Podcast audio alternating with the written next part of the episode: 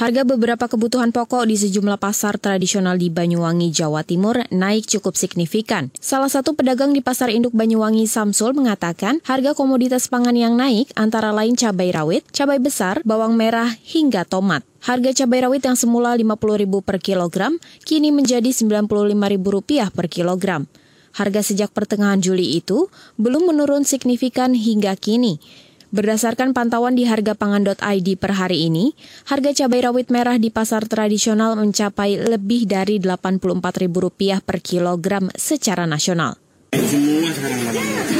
Sekarang bawang merah juga lebih. Lima puluh bawang sebelumnya cuma harga bawang itu empat. Saya kemarin baru ngambil harga empat lima. Hmm? Sekarang sudah lima puluh ya. Ini pak. Hampir ada sudah sepuluh harian. Salah satu pedagang di Pasar Induk Banyuwangi Samsul menambahkan, naiknya harga kebutuhan pokok sudah berlangsung sejak 10 hari terakhir. Ia terpaksa mengurangi stok untuk meminimalisir kerugian karena daya beli masyarakat menurun drastis.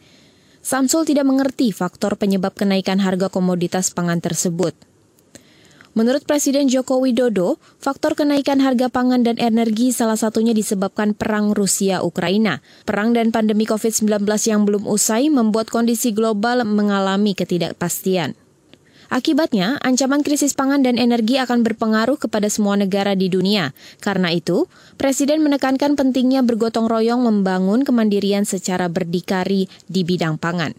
Presiden Jokowi memerintahkan agar pengembangan sektor pangan berbasiskan keunggulan masing-masing daerah, sebab kata dia, ancaman krisis pangan global yang terjadi saat ini juga meningkatkan kompetisi di sektor tersebut. Karena itu, ia menekankan pentingnya memiliki keunggulan pangan sesuai karakter masing-masing daerah. Dan setiap daerah harus memiliki keunggulan pangan masing-masing sesuai dengan karakteristik tanahnya dan kondisi masyarakatnya dan sesuai dengan tradisi makan warganya. Jangan dipaksa-paksa karena memang setiap daerah itu memiliki karakter yang berbeda-beda. Papua misalnya, tanahnya cocok untuk menanam sagu. Tradisi makanan pokoknya juga sagu. Jangan kita paksa-paksa untuk makan padi, makan beras, dan kita paksa-paksa untuk menanam padi, untuk makan nasi.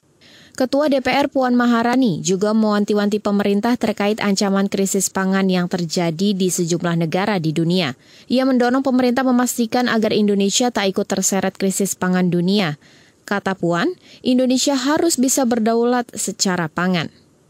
Salah satunya adalah dengan segenap daya memperkuat sektor pertanian kita embung-embung ini akan sangat bermanfaat sekali kalau bisa dibikin bukan hanya di sini tapi juga di seluruh Indonesia di tempat-tempat pertanian. Tadi waktu saya dijelaskan biayanya itu hanya kurang lebih 17 miliar, 14 miliar malah 14 miliar, tapi manfaatnya itu luar biasa bagi masyarakat sekitarnya dan tentu saja bermanfaat buat ketahanan pangan atau kedaulatan pangan e, di Indonesia.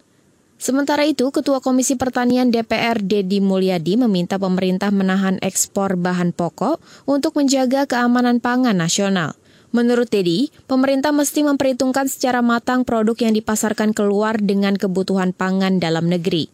Dedi menyarankan Kementerian Pertanian berkoordinasi dengan Kementerian Desa untuk mengamankan stok pangan nasional. Ini menjadi hal penting ke depan, termasuk mohon pertimbangkan ekspor itu bagus, tetapi apakah layak nggak kita ekspor? Sebelum kita punya penghitungan yang matang tentang ketersediaan pangan nasional. Jangan sampai setelah ekspor kita nanti kekurangan impor lagi. Dari sisi anggaran di APBN, pemerintah mengalokasikan dana untuk ketahanan pangan sebesar 92 triliun lebih sekira 14 triliun di antaranya untuk Kementerian Pertanian.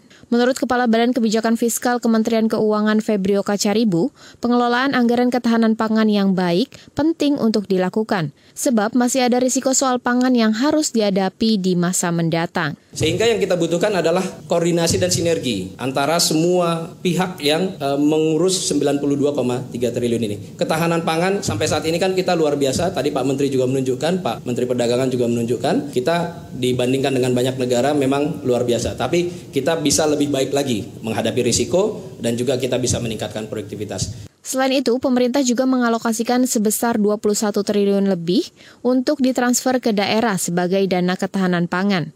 Besaran dana itu belum termasuk yang dianggarkan dari dana desa tahun ini. Menteri Desa Pembangunan Daerah Tertinggal dan Transmigrasi Abdul Halim Iskandar berharap dana desa bisa menjadi salah satu motor penguat masalah ketahanan pangan di daerah.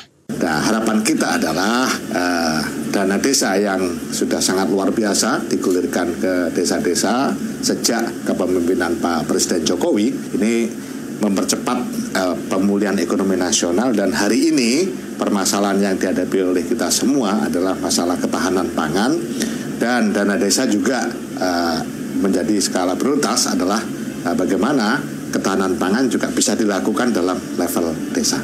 Demikian laporan khas KBR yang disusun dan dibacakan Astri Septiani. Kamu baru saja mendengarkan news wrap up dari KBR Prime. Dengarkan terus kbrprime.id, podcast for curious mind.